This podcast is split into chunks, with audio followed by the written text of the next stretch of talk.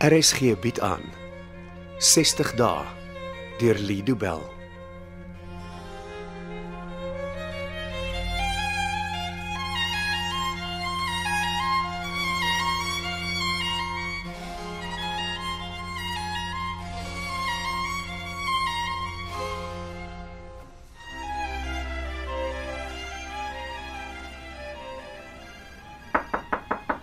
Binne.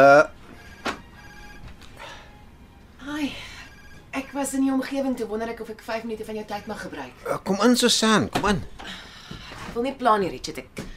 Ek weet hoe besig jy kan raak. Ag, moenie laf wees nie. Ek sal altyd tyd maak vir jou. Kom sit. Sal ek vir ons tee of koffie laat bring? Nee, dankie. Ek sal nie so lank hier wees nie. Ja, nee, sê wel. Eintlik 'n bietjie vreemd om weer hier te wees. Hier by ons kantoor. Ja. Laas toe ek hier was, was jy nog 'n groentjie. 'n Junior prokureur.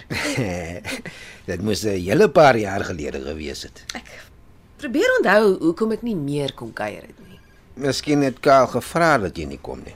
Nee, hy sou nie dit doen nie. Is jy seker? Die Karl wat ek ken is nie bang vir sulke ongemaklike situasies nie.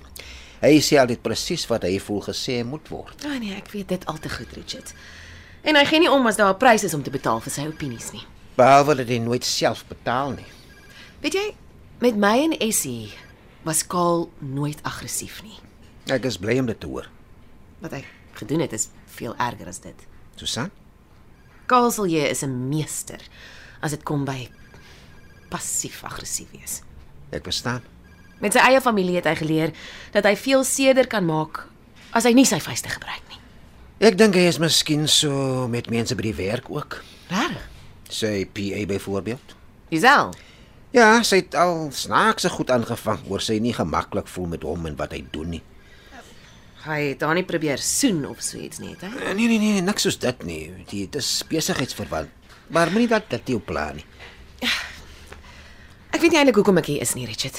Ons twee sou maklik al ons sake oor die foon kon finaliseer. Eerlikwaar, ek gee nie om dat jy my op kantoor kom sien nie. Miskien voel ek veiliger. Hier is jy altyd veilig. Nee, ek ek bedoel ek voel ek kan kom inloer want daar's nie 'n kans dat ek in kaal vasloop nie. Ja, ek wonder hoe dit met hom gaan by die hospitaal. Ek het daar laas iets gehoor. My dogter het hom gister besoek. En hoe gaan dit met Essie? Goed. Kan nie kla nie. Klink asof sy haar wegloop trauma oorleef het. Ja. Ek twyfel of sy ooit weer 'n woord sal glo wat enige jong man in haar oor fluister. Ja, dis nie 'n slegte ding nie. Sy en Kaal het lelik vasgesit gister. Sy was diep ontstel toe sy by die huis kom. Wat was die probleem? Geld? Wat anders? Ek moes geraai het. Waar Kaal betrokke is, is dit altyd oor geld. En ongelukkig weet sy meer oor haar ouers se finansiële situasie as wat sy behoort te weet. En sy's te jonk om slapelose nagte oor sulke goed te hê, man. Is sy okay na haar konfrontasie met Kaal? Ja, Is Kaal okay? Ek weet nie en ek gee nie om nie. 'n Mens hoor stories oor mense wat hulle eie lewens gedurig potjie maar tot jy so iemand leer ken, verstaan jy dit nie. Daai man is sy eie grootste vyand. Dis maar hoe ons hom ken. Weet jy Richard, ek glo nie Kaal was altyd so nie. Daar was seker iets wat hom laat verander het. Daar is altyd iets. Ek kan nie aan iets dink nie. Nie iets wat gebeur het wat hom so sou laat verander nie. Hy neem ook nie sy eie gesondheid ernstig op nie. Hy beland elke paar dae in die hospitaal. En elke keer wat die hospitaal hom opneem, is dit vir iets ergers. Sy hart gaan nie veel langer hou nie. Dis soos hy aangaan nie. Hy baklei met my, hy stry gedurig met Isel. En die mense by die hospitaal is nie baie gelukkig om hom daar te hê nie. Dit kan jy weer sê. Maar dis alles sy eie skuld. Hy wil nie eers probeer om sy gewoontes te verander nie. Nou sê hy vir my hy het met Essie vasgesit. Ja, volgens haar was dit erg. Sy sê sy wil nooit weer met hom praat nie. Ja, ten minste woon sy nie meer onder dieselfde dak as haar pa nie. Ek het gedink dit sou 'n groot aanpassing wees, maar Essie en ek lewe lekker sonder Kaal. Die skeisaak gaan nog voort, né? Absoluut ja. Tensy jy dit wil stop. Nee, nee. Nee, hoekom sou ek dit fout doen? Ek weet nie, miskien voel jy nou vir hom jammer. Oor hy in die hospitaal lê. Ja. Wat nou met Kaal gebeur, het niks met my te doen nie. Sy probleme is nie meer my probleme nie. Goed dan. Ek gaan voort met die skei saak. En waar staan ons nou met die saak? Karl het nog 'n bietjie tyd oor as hy papiere by die hof wil indien om te sê dat hy die saak wil teenstaan. As hy nie die sperdatum haal nie, gaan die saak outomaties aan. En sal ek in die hof moet verskyn. As Karl die saak in die hof wil betwis, mag jy deur hom as 'n getuie geroep word. Dink jy dit sal gebeur? Ek twyfel dit ten sterkste. Ek klink baie seker van jouself. As ek Karl verteenwoordig in die saak, sou ek hom ten sterkste aanrei om so gou as moontlik te skik. En dink jy hy sal dit doen?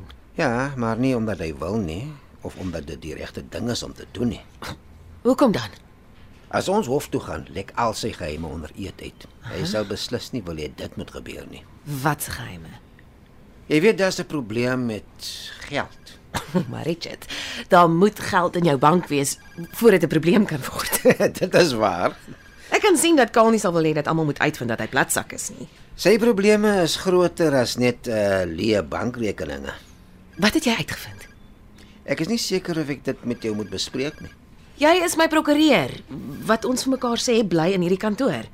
Ek sal met niemand daaroor praat nie. Die inligting wat ek nou met jou deel, mag jy onder geen omstandighede met jou man deel nie. Ek verstaan. Nie voor en beslis nie na julle geskei is nie. Richard, jy laat dit baie ernstig klink. Dit is vir 'n prokureur soos Karl is dit amper die ernstigste ding wat met hom kan gebeur. Hierdie geheim sal onthul word as hy besluit om die skei saak in die hof te beveg. Beslis ja. En dis jy wat dit sal ontbloot? As ek die saak wil wen? Ja. Sê my wat jy gedoen het. Jy weet hy beheer trustfondse. Ek weet van hulle en ek het altyd gehoop dat Kaal nie met die geld in daai rekening sal lol nie. Het hy? Dit lyk so. Het die ouditeure iets opgemerk? Nee. N nou, hoe weet jy dan daarvan? Dennis Donovan en sy span het Karl en al sy finansiële speletjies al vir 'n paar weke onder die vergrootglas. En wat het hulle uitgevind? Die trustfondse het nie almal soveel geld in as wat hulle moet hê nie. En hoe kry hy dit reg om nie uitgevang te word nie? Karl is persoonlik in beheer van sy kantoor se boeke. Blykbaar het hy 'n manier om geld vinnig uit een rekening te gebruik om verliese aan 'n ander te verdoesel. Wat? Richard, wat vertel jy my nou? Karl sal beslis 'n swaar vonnis moet uitdien as die diefstal op die lappe kom. Miskien help sy pa en oom hom. Die die vennote pas mekaar mos op. Wat Karl doen is krimineel. Die vennote sal nie dit wil wegsteek nie. Hulle sal aangekla word omdat hulle hom gehelp het. Ek, wat word van hierdie maatskappy as dit alles eers bekend word? Ons sal op ons reputasie moet probeer oorleef. En as dit nie genoeg is nie, Dan soek ons almal vir ons ander werk. dat een man se selfsug soveel mense se lewens kan verwoes. Ons weet nog nie wat sal gebeur nie en ek bly maar altyd positief. Richard, hoe kan iemand in so 'n situasie positief bly? Alles waarmee Kaal te doen het, verwoes hy. Inkluis sy eie gesondheid. Ek is nie seker of ek die regte ding gedoen het om om om jou te kom sien nie, maar dankie dat jy eerlik met my was oor Kaal. Dalk is nou die tyd om jou in te lig oor iets anders. Wat het hy nog gedoen? Dis nie iets wat hy gedoen het nie, dis wat aan hom gedoen word. Deur wie? Wat ek nou sê is spekulasie. Ons het nog nie bewyse wat deur 'n hof aanvaar sal word nie. Maar ek is redelik seker van my saak. Richard, Karl word op die oomblik afgepers. wie sou hom wou afpers? Hy's op die rand van bankrotskap. Die afperser noem homself meneer X. Dis nie 'n baie kreatiewe naam nie. Ek stem, maar ek glo dat die persoon of persone wat agter daardie naam skuil, nie onderskat moet word nie. Wat gebruik hulle om hom jou af te pers? Sy trustfonds bedrog. Hoeveel geld het hy uit daai rekeninge gesteel? Ek weet nie, maar ek sou verwag dat dit 'n groot klomp is. Dit alles omdat hy dobbel. Ja, dit het ons ook agtergekom. Hy probeer om homself uit 'n diep gat waarin hy homself ingedobbel het, weer uit te dobbel. Ek het hom gesmeek om hulp te kry. Ek kan net dink hoe hy sal gereageer het. Kaal glo nie hy het 'n probleem nie. En as jy aan iets verslaaf is, moet jy eers erken dat dit 'n realiteit is voor jy gehelp kan word. Ja, Karl stel nie in hulp belang nie. En oor hy so hardkoppig is, word hy nou afgepers. Ek neem aan dat hulle die trustfondse se geld by Kaal soek. Dis wat ons ook vermoed. En wat gebeur as hy dit vir die afperser gee? Dit sal vinnig deur die ouditeure gesien word. Dan is dit die einde van Kaal as 'n prokureur. Wat gebeur dan? Daar sal 'n hofsaak wees. En sal sy vonnis tronkstraf insluit?